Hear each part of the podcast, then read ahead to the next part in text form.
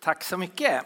Vad fint, vad kul, vad roligt på svenska att få vara här och vad fint ni har fått det sen jag var senast på den här platsen. Väldigt, väldigt fint.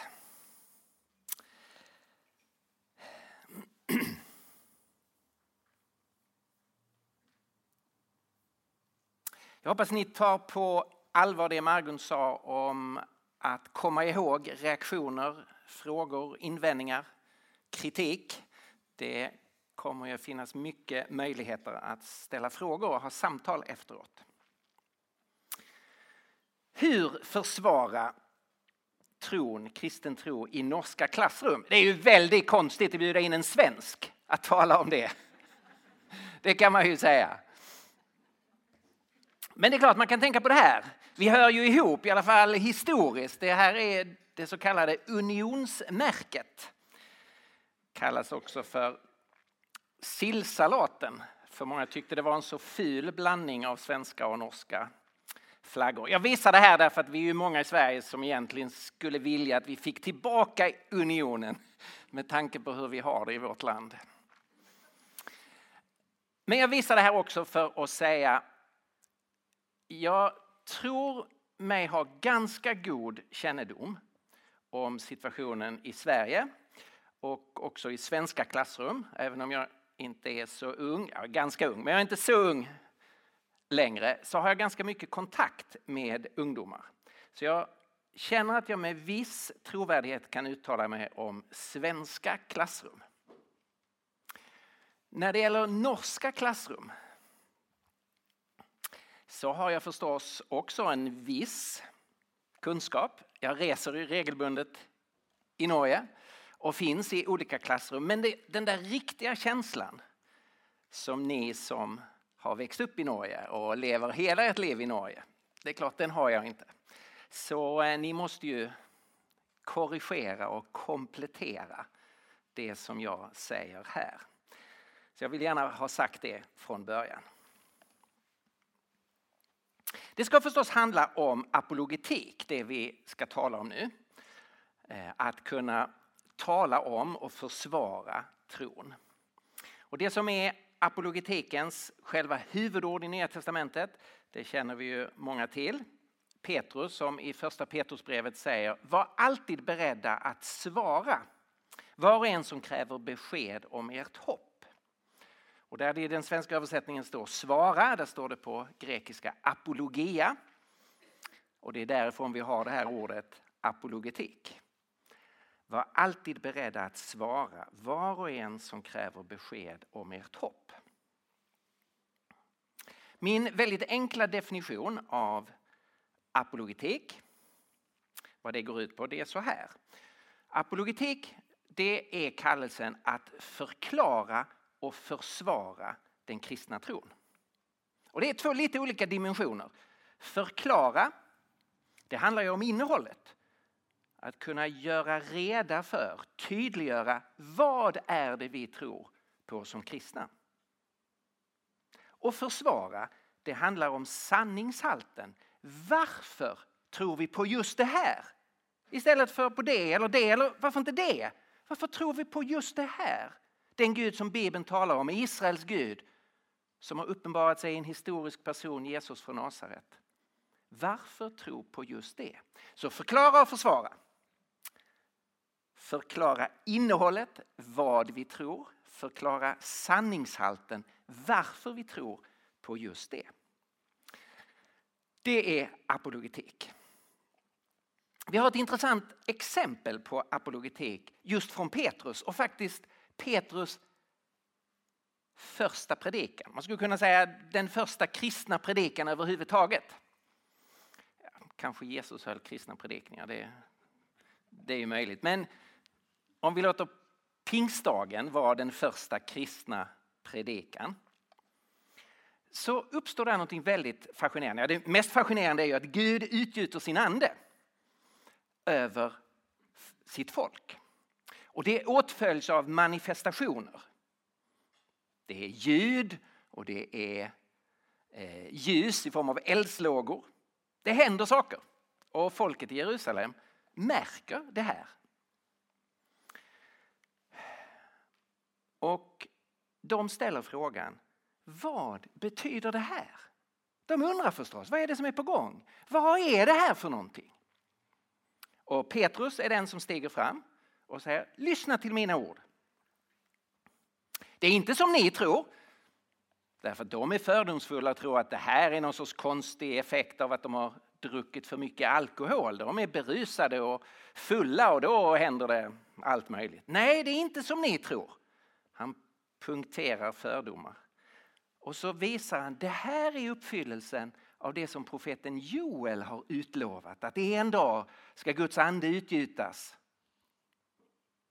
över allt Guds folk. Män och kvinnor, unga och gamla. Det är det som nu sker. Han förklarar händelsen och det sammanhang det ska sättas in i. Men sen fortsätter han. Hans predikan har väldigt tydligt ett par delar. Så han säger igen, lyssna till mina ord. Och så börjar han försvara hur man kan tro att detta är uppfyllelsen av Joels ord. Jesus från Nasaret, en man vars uppdrag Gud bekräftade inför er genom att låta honom utföra kraftgärningar, under och tecken mitt ibland er som ni själva vet. Han hänvisar till deras egen kunskap. Folket i Jerusalem har ju mött Jesus, sett honom göra underverk, lyssnat till honom. De vet någonting om vem han är. Och han fortsätter, denne Jesus har Gud låtit uppstå och vi kan alla vittna om det. Han försvarar tron på Jesus. Så här har ni ett, ett exempel alldeles i början av kyrkans historia av att förklara innehållet och försvara sanningshalten i tron.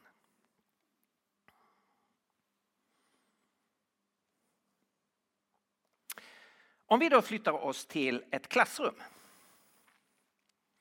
i Sverige eller i Norge, vi tar det norska. Om vi flyttar oss till ett norskt klassrum och så ska vi försöka tillämpa att alltid vara beredda att svara var och en som kräver besked om ett hopp. Att förklara innehållet och försvara sanningshalten. Vad står vi inför för situation? Ja, vi, vi har inte främst konstiga ljud och eldslågor på våra huvuden. Utan vi står inför någonting annat. Och den kanske största utmaningen i det postkristna Norden det är fördomar som människor har. Fördomar, kan man säga det på norska? Okej, okay. ni, får, ni får stoppa mig om jag använder konstiga ord. Vi har en del sådana i Sverige. Fördomar, alltså missförstånd. Som bygger både på vad man tänker om den, vår egen historia och det bygger på hur nutiden förvränger den kristna tron. Det här är en svensk eh, eh, forskare som har studerat den eh, inställningen till religion i den svenska skolan. Och, eh, hon är publicerad också i norska pedagogiska tidskrifter. Så det här är faktiskt taget från en artikel som hon har skrivit eh, i den religionspedagogiska eh, tidskriften Prismet. Mångfald och sekularitet i religionsundervisningen. Hon har studerat eh, klassrumssituationen och eh, undersökt en mycket stor, stort antal klassrumssituationer och analyserat vilken inställning har läroböcker, har elever och har lärare till religion. hon säger så här. Att artikulera, att formulera en icke-religiös eller ateistisk position, både bland lärare och elever, var oerhört mycket vanligare än att i klassrummet uttrycka en religiös position. Den icke-religiösa eller ateistiska positionen uppfattades som neutral i förhållande till religion och genererade större legitimitet medan en religiös utgångspunkt uppfattades som partisk. Det var också vanligt att associera religion med en förgången tid eller mindre utvecklade samhällen som möjligtvis fyllt en funktion tidigare under historien men som nu tack vare upplysning och vetenskap spelat ut sin roll. Icke-religiositet konstruerades således som en modern och rationell position och religiositet som motsatsen. Alltså en gammaldags och irrationell position. Här fångar hon ju precis det som är vårt samhällsklimat idag. Det gäller i kulturen i stort och det gäller i klassrummet. Det gäller i, i Sverige i alla fall, i hela utbildningssystemet så är detta luften man andas. Tidigare trodde vi på Gud, tidigare var vi kristna. Men det var före upplysning, det var före vetenskap, det var när det var primitivt och gammaldags. Nu har vi rört oss vidare och nu har vi lämnat det bakom oss. Nu är vi moderna, vi kanske till och med är postmoderna. Och nu är vi rationella och förnuftiga och upplysta och vetenskapliga. Och därmed så är vi också sekulära, för det är den positionen, ateism, det sekulära, det är den som passar ihop med vetenskap och rationalitet och, eh, och så. Det här finns i luften vi andas, det finns i mentaliteten, i känslan, det finns liksom från alla möjliga håll så sitter den här eh, uppfattningen. Och det gör det så utmanande att kommunicera kristen tro. För vi befinner oss i ett mycket stort underläge redan i startpunkten. Och vi känner av det. Och det är därför som de allra flesta kristna är knäpptysta om sin tro. Säger ingenting. För det känns som en sån uppförsbacke i det här klimatet. Man är kristen men man håller det för sig själv. För det känns som det, det funkar liksom inte. Det, går inte i den här miljön att tala om det. Då är min huvudpoäng här att eh, eh, eh, det som Karin eh, Flessner eh, presenterar här det är att hon beskriver en fördomsfullhet i vår kultur som vi behöver utmana. Och där det är väsentligt att vi utmanar de här fördomarna kanske innan vi delar vårt eget vittnesbörd så att säga, vår, e- eh, eh, delar den personliga sidan av tron. Och jag tänkte jag ska ta upp fyra saker. Det är inte säkert vi hinner alla fyra. Eh, men om vi hinner det så blir det fyra. Och jag ska försöka visa hur, om man konkretiserar den, de här fördomarna så finns de på åtminstone fyra olika områden. I synen på religion, i synen på kultur, i synen på vetenskap och i synen på historia. Så jag ska försöka göra det lite mer konkret än att bara säga eh, det sekulära kontra det religiösa. Okej, okay, vi börjar med religion. Vår kultur tänker sig då att vi har varit religiösa precis som samtliga kulturer genom världshistorien. Så har ju västerlandet varit religiöst, vi har varit kristna. Men det är det som vi har gjort oss fria från. Vi har befriats från det och nu är vi då sekulära. Vi tror inte det finns någon Gud. Vi tror att den här världen är det som finns. Vi blir sekulära och det känns som det helt naturliga, det är helt självklara. Det behöver man inte argumentera för utan det kan man bara utgå från i vår kultur. Religion det förknippas då med någonting som är gammaldags. Det förknippas med många ondskefulla föreställningar. I eh, ganska mycket så förknippas det nu med saker som har med islam att göra. Eh, auktoritärt, kvinnoförtryckande, eh, till vissa delar våldsbejakande. Så det har, religion har kommit att förknippas med en mängd väldigt, väldigt negativa saker. Och ofta så klumpas liksom kristen tro in under det paraplyet, det religiösa. Här behöver vi jobba med att komma bort från faktiskt skulle jag säga religionsbegreppet för det har blivit så problematiskt. Det är mycket bättre att försöka närma sig de här frågorna utifrån en annan terminologi. Nämligen frågan om världsbild, kan man säga det på norska? Eller frågan om livssyn. Alltså inte främst diskutera religion utan tala om vilken världsbild man har, vilken livssyn man har. Vad handlar det här om? Ja, det handlar ju helt enkelt om hur man ser på världen. Världsbild är ju den bild man har av världen. Livssyn, det är ju hur man ser på den mänskliga existensen, hur man ser på det mänskliga livet. Hur förstår man det faktum att vi existerar?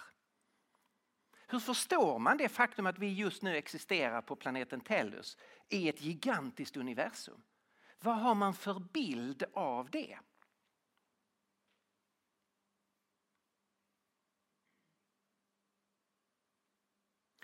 Och här hamnar man ju då i ett mycket mer intressant läge. Alla människor har en bild av världen, har en världsbild. Alla människor har en syn på livet. Vad har du för bild av världen? Så kan jag berätta vad jag har för bild av världen. Vad har du för syn på livet? Så kan jag säga någonting om min syn på livet. Här blir vi mer jämspelta än om vi har någon som är religiös och så är det väldigt negativt värdeladdat och så har vi någon som är sekulär och det är väldigt positivt värdeladdat med rationalitet och förnuft och modernitet. Då är ju diskussionen riggad från början. Det är ju obalanserat när vi startar samtalet och det är därför vi sällan vågar starta det. Men när det gäller världsbild och livssyn då möts vi på samma nivå. Låt oss prata om det här, det är ju jätteintressant. Ingen av oss har bett om att få finnas till. Det är ju det konstiga med att vara människa. Man har inte bett om att få finnas till. Man bara kastas in i den här världen.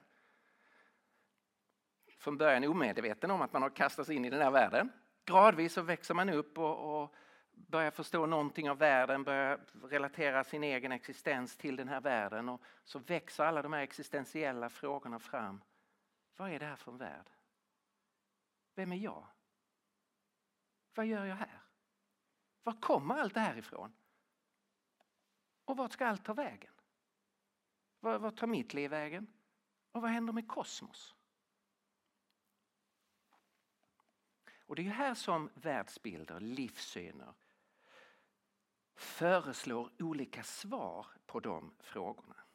I grunden så går världsbilder tillbaka till det här lite sofistikerade, svåra, ovanliga ordet ontologi. Ontologi det betyder läran om varandet. Vad är det som ytterst sett finns? Vad är det som ytterst sett existerar och som förklarar allting annat? All existens, vad går den tillbaka på? Det är den mest grundläggande världsbildsfrågan. Och det kallas med ett fint filosofiskt ord för ontologi. Ni vet allt som slutar på logi, det är ju läran om. Biologi är läran om livet, kosmologi är läran om kosmos, geologi är läran om jorden. Ontologi är läran om varandet. Vad är det som existerar? Jag har haft väldigt stor hjälp för min egen del av det som finns hos både C.S. Lewis och hos Francis Schaeffer. Att man säger okej, okay, det finns jättemånga olika svar på de här frågorna om man går in på detaljplanet. Men om man tittar på den lite större bilden så finns det i grunden bara tre svar som mänskligheten har gett på den ontologiska frågan. I västerlandet, hos de gamla grekerna och nu med allt större kraft i vår kultur så har man talat om naturalism. Naturen är det enda som finns. Energin och materien. Naturen är det enda som existerar. Det finns inget övernaturligt, det finns inget andligt, finns inget bortom energin och materien i universum. Existensen är till sin essens opersonlig. Det yttersta varat är inte kärlek eller medvetande eller tanke. Utan det yttersta varat är energi och materia. Det andra alternativet har varit stort i österlandet. I hinduism och buddhism och andra österländska strömningar. Det som vi kallar för panteism. Då säger man nej, energi och materia är inte det mest grundläggande. Det är inte det yttersta varat. Det yttersta varat är andligt. Men det är lika opersonligt som energi och materia. Det finns ytterst ingen tanke, ingen kärlek, ingen vilja. Det är därför man mediterar i Österlandet. Man ber inte. De är ju inte skriftreligioner att det finns någon som har uppenbarat sig och talat. Därför att den yttersta verkligheten, Brahman, är opersonlig. Och målet för människan är att smälta samman och uppgå i denna andliga, mystiska, opersonliga verklighet. Och det tredje alternativet, det är den judisk-kristna gudstron. Som säger det yttersta varat, det är en person. Det yttersta varat är jag är. Det finns ett vara, är, men det är personligt. Jag är. Det finns ett yttersta logos, en tanke, ett medvetande som kan beskrivas som Gud är kärleken. Så det yttersta är det personliga. Det personliga här har ingenting med kropp och, och Ehm, det fysiska att göra. Så vi eh, tänker rätt här. Gud har inte kropp, Gud är ande. Men de det är ett vara som har de personliga egenskaperna av tanke, av kärlek, av godhet, av vilja.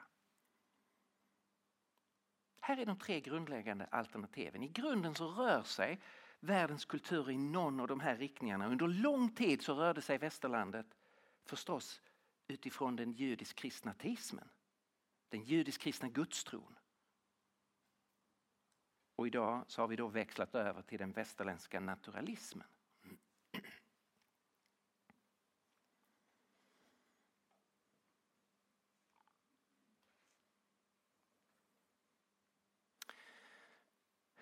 Här får man då börja samtala vad, vad betyder, vad blir konsekvenserna av de här olika uppfattningarna? Notera att den judisk-kristna teismen som säger logos, den logiska, är det som allting har startat i, kommer ju alldeles naturligt ha ett mycket högre syn på rationalitet och förnuft än de livsåskådningar, världsbilder som startar i det opersonliga, det som saknar tanke. Om naturalismen är sann, då har ju människans tanke bara blivit till liksom slumpmässigt eller utifrån överlevnadsvärde. Själva förnuftet har ju ingen yttersta förankring. Och på samma sätt kommer ju den judisk-kristna teismen ha en mycket högre syn på kärlek eftersom den är en del av det eviga varat. Vilket den ju inte kan vara om naturalismen är sann. Det här för oss över till den andra punkten. Om kulturen. Och då skulle jag vilja säga någonting som har med idéhistoria och hur idéer har format kulturen. Jag menar att det är alldeles uppenbart att, att idéer, vad människor tänker, påverkar historien på ett, ett, mycket påtagligt sätt. Det är inte det enda som påverkar historien, materiella faktorer påverkar också. Men vilka föreställningar man har kommer att påverka hur man lever, hur man prioriterar vad man gör, hur man förstår världen. Vi befinner oss i västerlandet som man nog måste säga är historiens hittills mest framgångsrika civilisation. Jag skulle säga att det är absolut tveklöst att västerlandet är historiens hittills mest framgångsrika civilisation. Det betyder inte att det är en perfekt. Det är ju en barnlek att räkna upp allt ont som har hänt i västerlandets historia. Eller allt som fortfarande är negativt, förstås. Men det är ju inget speciellt med en civilisation att den har gett uttryck för onda saker, för förtryck, för makt, för korruption. Det finns ju i precis varenda civilisation. Det är ju ingenting som är speciellt. Nej, det speciella med den västerländska civilisationen det är ju inte avsaknaden av allt det negativa. Men det är framväxten av ett antal fullständigt unika företeelser som är fantastiskt goda. Vad menar jag? Så här. Om man tittar på västerlandet så kan man ju om man klumpar ihop västerlandets historia säga så här, okej, okay, rötterna finns här i antiken, det grekiska, det romerska, sen kommer kristendomen eh, som från 300-talet blir det dominerande och kommer dominera i eh, eh 1500 år. Och sen kommer upplysningen och så har vi kommit fram till idag. Var finns rötterna till allt det som är så unikt för den västerländska civilisationen? Människovärdet, demokratin, omsorgen om den svage, fokus på sjukvård, universiteten och naturvetenskapen, den ekonomiska framgången. Var ska man, var ska man förlägga det här? Friheten i den västerländska kulturen. Väldigt många människor idag tänker så här, ja men det där har väl sina rötter i antiken. Det fanns vissa liksom föresatser av, kring demokrati och kring vetenskap och så. Sen kom kristendomen och stoppade det som hade börjat gro där men det blev en jättestor bromskloss. Och sen kom upplysningen. Och fick bort den där bromsklossen. Och så kunde allt det här fina växa fram i västerlandet. Är det så? Om man tittar på människosynen i västerlandet, var kommer den ifrån?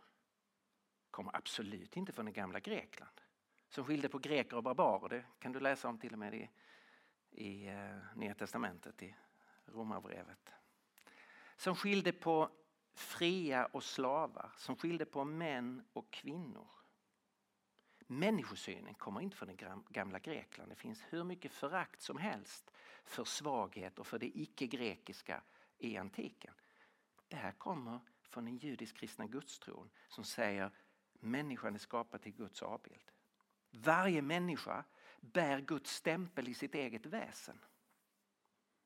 Det gäller man och kvinna, det gäller oavsett hudfärg, det gäller oavsett ålder, det gäller oavsett funktioner eller brist på funktioner. Är man människa så är man skapad till Guds avbild. Det här är en fullständigt unik människosyn som man inte möter någon annanstans. En universell bekräftelse av det mänskliga.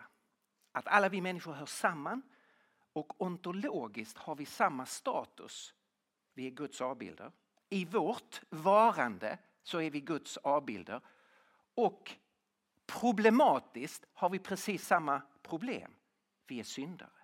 Alla har förlorat härligheten från Gud. Det är inte så att du kan säga vi och dem. Vi som är goda och bra och de där.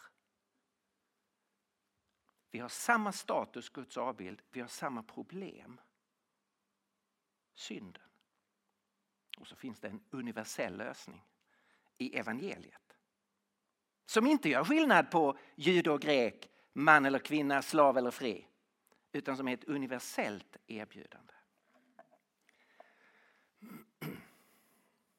Rättssamhället. Alltså det faktum att lagen gäller lika för alla. Att makt inte är rätt. Utan rätten kan utmana makten. Eh, min första cykel var av märket Rex. Jag vet inte om ni cyklade på Rex cyklar i Norge. Ja, Rex, det fick man ju då, då var man ju glad att man hade en, en cykel som hette Rex. Då var man ju kung.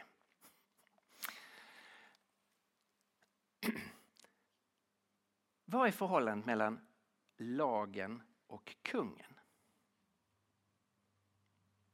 Är det lex rex, att lagen är kung?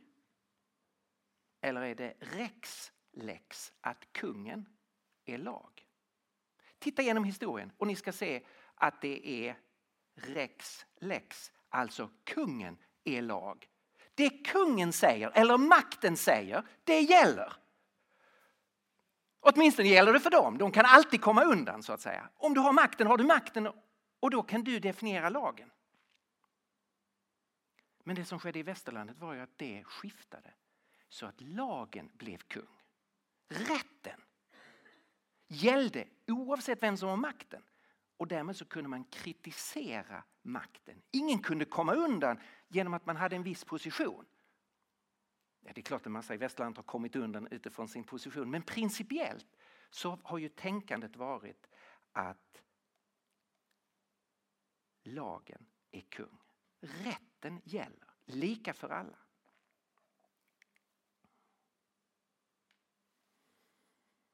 Jag kan tänka på sjukvården. Det är inget kännetecken för mänsklighetens kulturer genom historien att man har brytt sig om den som är sjuk, den som är svag, den som är behövande, den som är krävande för omgivningen, den som är handikappad. Utöver världen idag så är det ju massor med kulturer där man gömmer undan det handikappade barnet. Man skäms, man vill inte visa det. Det har varit en unik aspekt i västerlandet att man har sagt att vi måste bry oss om den som är svag.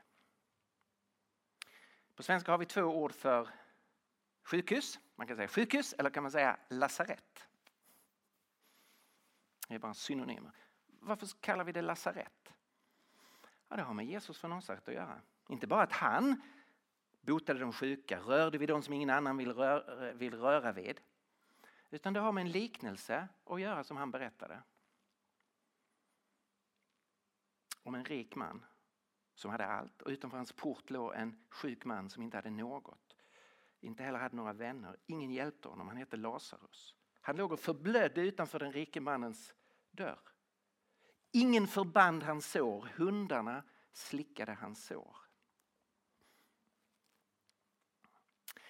Det var ju människor som trodde på Jesus som sen sa vi kan ju inte låta vår tids Lazarus bara ligga på gatan och att det är hundarna som slickar deras sår. Vi måste förbinda deras sår. Vi måste hjälpa vår tids Lazarus. Och så startade man lasarett. Det är därifrån det ordet kommer. Och det har ju sen följt den kristna kyrkan att man har sträckt sig ut utifrån de idéer som fanns i den kristna tron. Och vi har fått den starka betoningen att faktiskt lyfta, hjälpa den svage. Vi kan tänka på vetenskap, hur den har växt fram. Universiteten har sin bakgrund i klostren som hade blivit lärdomscentra. Man byggde upp bibliotek, man hade föreläsningar och så växte universiteten fram och utifrån universiteten växte det systematiska naturvetenskapliga arbetet fram. Jag ska strax säga mer om, eh, om det. Och vi kan tänka på demokratin senkommet. Vi har inte haft demokrati så länge. Men dock så är det i västerlandet präglat av den judisk-kristna gudstron som demokratin har växt fram. Också sekulära tänkare erkänner detta. Som den tyske filosofen ateisten Habermas som säger att eh, demokratin har sina rötter i den judisk-kristna förståelsen. Där man kan ta varje röst på allvar eftersom varje människa har statusen av att vara skapad till Guds avbild. I Sverige är de första demokratiska sammanhangen där män och kvinnor hade samma rösträtt. Det var de baptistiska församlingarna. Första demokratiska sammanhanget i Sverige är de baptistiska församlingarna. Ett väldigt tydligt uttryck för den kristna tron. Och sen gradvis så tog det över. Vad är poängen här? Poängen här är att rötterna till det som har gjort den västerländska civilisationen fullständigt unik ligger inte i antiken och kommer inte från upplysningen utan har sina rötter i den kristna tron. Här måste vi uppbåda väldigt mycket mer självförtroende kring vår egen historia utan att för ett ögonblick förminska allt det som har varit hemskt och fel och mörkt i vår historia och som kyrkan och kristna har varit skyldiga till. Eh, det ska man aldrig minimera. Men ändå är det så här att grunden till de idéer som har gjort västerlandet till vad det är, den grunden finns i den kristna tron.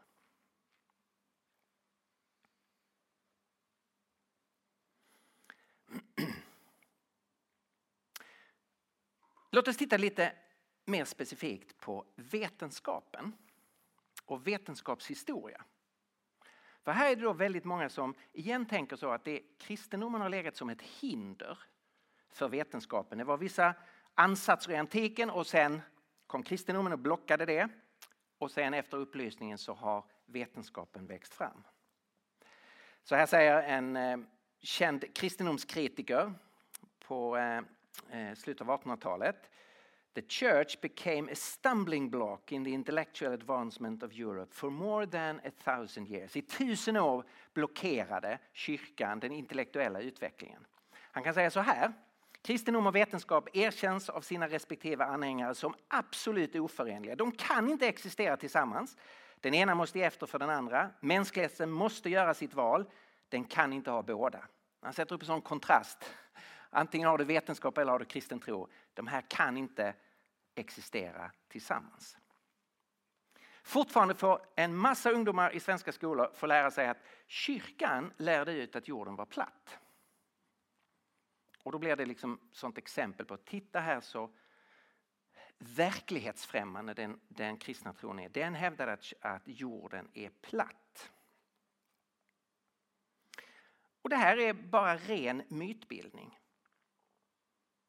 Man visste redan bland de gamla grekerna, 300-talet före, 400-talet före Kristus, så visste man att jorden var rund. Man hade räknat ut det och faktiskt fått eh, räknat ut det väldigt, väldigt rätt. När den kristna kyrkan växer fram så är det allmän kunskap att jorden är rund. Och det finns ingen anledning för kristna att ha en annan uppfattning. Utan det accepteras fullt ut att jorden är rund. Det här är eh, Romers mynt. Och det är en bild av en kejsare. Och ni ser vad han håller i sin hand. Ett jordklot. För han gjorde anspråk på att vara herre över hela jorden. Det var de anspråken som romerska kejsare hade. Så han håller jorden i sin hand.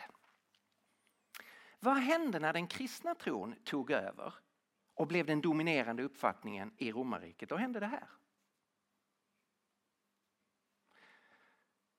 Då var det inte kejsaren som håller hela jorden i sin hand utan det är ju Jesus. Kristus som håller hela jorden i sin hand. Då satte man ett kors på klotet. De tre banden på, på klotet där, det, de står för de tre världsdelarna.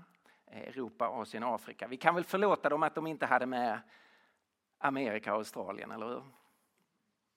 Men ni ser, man, man trodde att jorden var rund. Det var inget problem. Det är ren mytbildning. Vad sitter på toppen av Peterskyrkan i Rom? Ja, det är ett klot. Och på klotet är ett kors rest. Så kristna har aldrig hävdat att jorden var platt. Notera, man måste skilja det från en, den diskussion som sen uppstår. Vart i förhållande till solen finns det här klotet? Är det klotet som är i centrum och solen som snurrar? Eller är det runt jorden tillsammans med andra himlakroppar? Eller är det solen som är i centrum? Det är ju en annan diskussion. Så det här är diskussionen om jorden är platt eller rund. Om man tittar på vetenskapens framväxt så är det inte alls så att kristen tro har varit ett hinder för vetenskapens framväxt. Jag sa att universiteten växer fram utifrån klostren. Det första universitetet i världen är i Italien, Bologna, 1000-talet. Världens näst äldsta universitet är universitetet i Oxford. Och det räknas ju idag som världens mest prestigefyllda universitet. Här är deras logga. Ni ser vad som är i mitten. Det är en bok. Kan ni ju räkna ut vad det är för sorts bok? Det är ju Bibeln. Och så står det någonting på latin. Dominus illuminatio mea. Vad betyder det? Jag har inga anspråk på att kunna latin men man kan ju få sånt översatt. Det här är ett citat från Psaltaren 27. Herren är mitt ljus. Så tänkte de som startade Oxford University. Man hade sin utgångspunkt i Bibeln och man såg Herren som sitt ljus. Det här är universitetet i Cambridge och det är eh, kemiinstitutionen. The Cavendish Laboratory. Ett stort antal nobelpristagare har kommit från den institutionen, en världsledande institution i kemi. Och där finns också en inskription över den ursprungliga eh, byggnaden. Psaltaren 111. Stora är Herrens verk.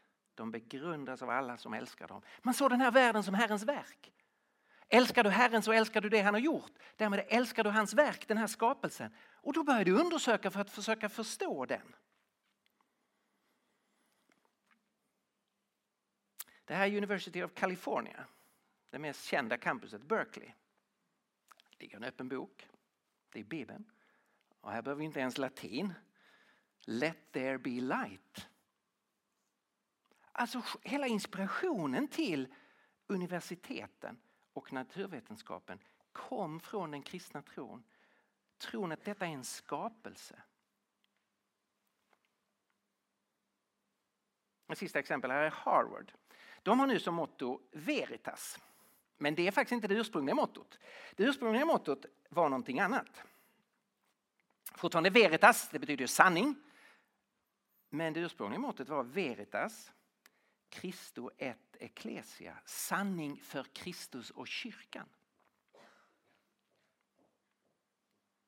Jag visar det här för att bara visa, det är helt enhetligt att universiteten och därmed vetenskapen, naturvetenskapen har växt, ifra, växt fram utifrån den kristna tron.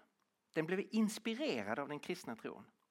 Science in its modern form arose in Western civilization alone among all the cultures of the, of the world because only the Christian West had the necessary intellectual presuppositions underlying the rise of science.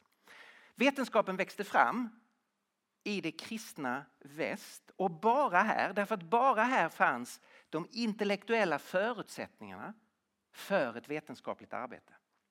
Vad var det för förutsättningar? Jo, så här. Det här är en, på svenska skulle vi säga trasselsudd. Ett trassel, kan man säga det på?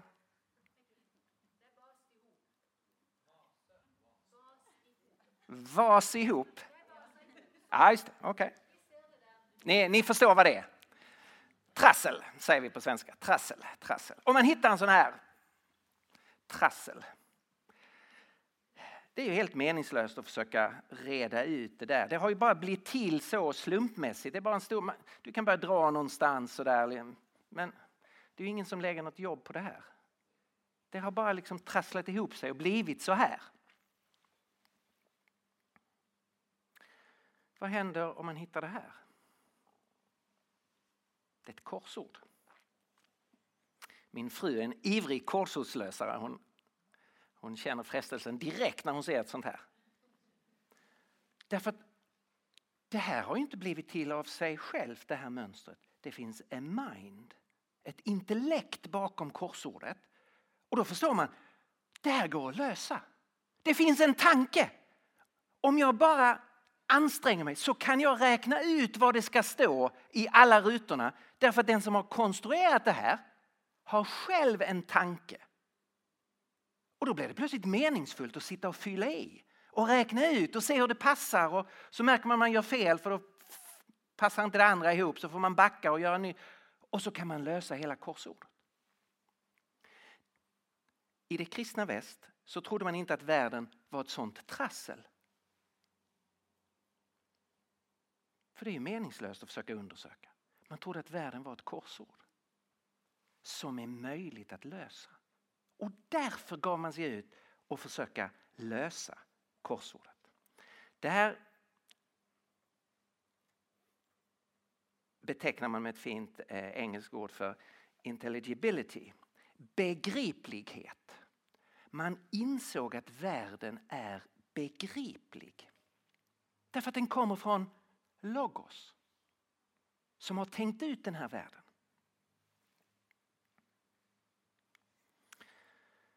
Western science is grounded in the belief that the natural order is the product of a single intelligence from which our own intelligence descends.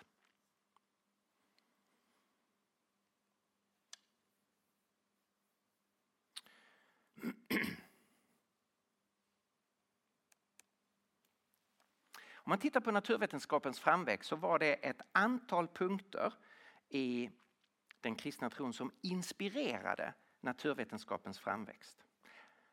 Man kunde läsa på Bibelns första blad att Gud sa lägg jorden under er och råd över den. Det var människans kallelse att, att ta herravälde över världen. Och för att göra det måste man förstå den. Här tänkte man Gud är ordningens Gud. Gud är inte kaos. Därför kunde man förvänta sig att den värld han har skapat är ordnad. Man blev inte förvånad när man kunde beskriva naturlagar, en regelbundenhet i världen. Man tänkte Gud är den enda guden. Man var monoteister.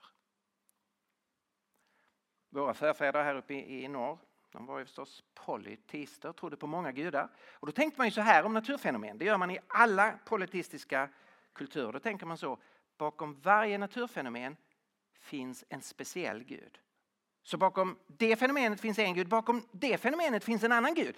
Oskans gud, ja det är Tor. Och sen har du en gud bakom varje naturfenomen.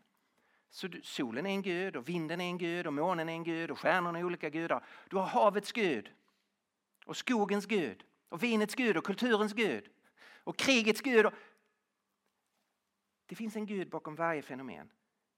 Men de gudarna är ju inte överens. De strider, de bråkar, de lurar varandra. Det är kaos. Liksom på andra sidan den här världen så är det kaos. Det finns ingen mening att försöka reda ut hur hänger det här ihop. Men i det kristna väst så tänkte man det finns en enda Gud. Han har skapat hela världen och håller den i sin hand. Det här är meningsfullt detta korsord att lösa. Man tänkte att det här universumet är skapat. Det betyder det finns inte här av nödvändighet. Gud är fri att skapa exakt vilket universum han vill. Vi kan inte räkna ut som grekerna försökte göra, vad är den perfekta formen och sånt. Vi måste ut och undersöka vilket universum valde Gud att skapa.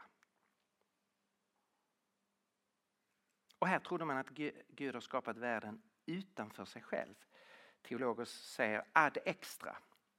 Alltså universum är inte ett utflöde ut ur Gud utan universum har en egen existens. Det bärs upp av Gud men det har en egen existens.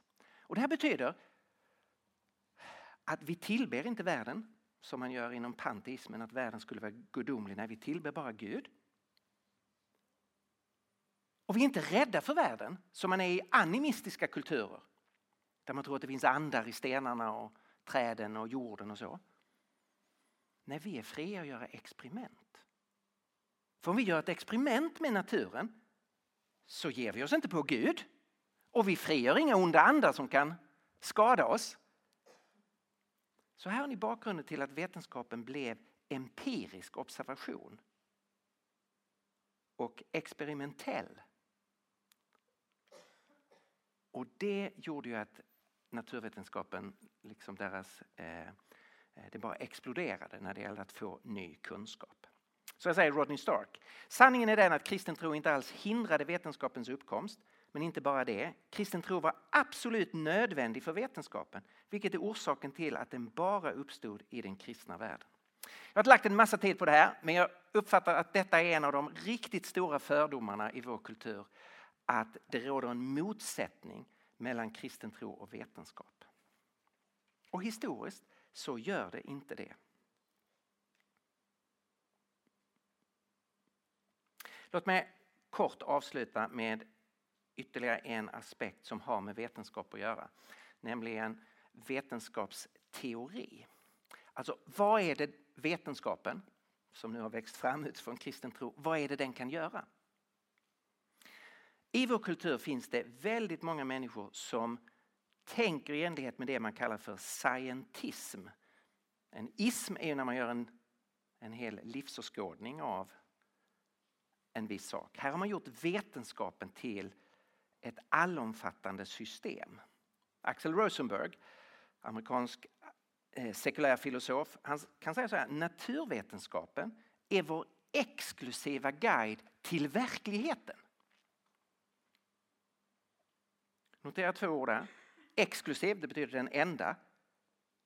Och så säger han verkligheten. Att naturvetenskap är den enda guiden vi har till verkligheten. Alltså vi kan inte få kunskap om någonting förutom genom naturvetenskap. Det här är ett helt horribelt påstående. Men det är alldeles för många som tänker så. Om man hade sagt naturvetenskapen är vår exklusiva guide till naturen, då hade jag inte haft några problem. Men verkligheten och naturen är ju inte med nödvändighet detsamma, eller hur? Här behöver man ständigt göra upp med scientismen. Naturvetenskapen är ett fantastiskt men mycket begränsat redskap. Den har en smalt arbetsområde. Superviktigt men begränsat. Naturvetenskapen ger kunskap om naturen men inte det övernaturliga. Värde, mening, godhet, skönhet, kärlek, historia, juridik, Gud. Ganska viktiga saker, eller hur? Inga petitesser för den mänskliga existensen, eller hur? Kan naturvetenskapen inte säga ett ord om. Det ligger utanför naturvetenskapens kompetensområde. Naturvetenskapen kan inte lösa de här frågorna. Naturvetenskapen är tyst. Men vi behöver säga någonting om alla de här frågorna. Och kristen tro har jätteintressanta saker att säga om alla de här sakerna. Och det sekulära perspektivet är ganska famlande till nästan alla de sakerna. Så man ska förvänta sig svar från naturvetenskapen när det gäller naturen. Men sen måste man söka svar på andra ställen. Jag slutar med ett citat av Ludwig Wittgenstein. Han har sagt så här, moderniteten, och vi ingår i den, modernitetens stora vanföreställning är att naturlagarna förklarar universum för oss. Naturlagarna beskriver universum, de beskriver regelbundenheter men de förklarar ingenting. Så inte ens när det gäller naturen kan naturvetenskapen ge oss alla svar. Naturvetenskapen kan beskriva naturen men den kan inte förklara någonting. Var naturen kommer ifrån, varför den är här, vad som är meningen med att naturen finns. Än mindre vad som är meningen med oss. De svaren måste vi finna någon annanstans. Och där ger kristen tro jätteintressanta svar. Ja, det här var lite Eh, exempel från några olika områden där eh, vi behöver hjälpa varandra att föra en ny sorts samtal och sticka hål på de här fördomarna som gör att diskussionen är liksom färdig innan den har börjat. Där det sekulära perspektivet har vunnit redan innan vi har börjat samtala med varandra. Eh, och visa att den kristna tron är ett jämbördigt alternativ i utgångsläget och sen visa att den kristna tron är väldigt intressant när det gäller hur den kan hjälpa oss att förstå den här världen.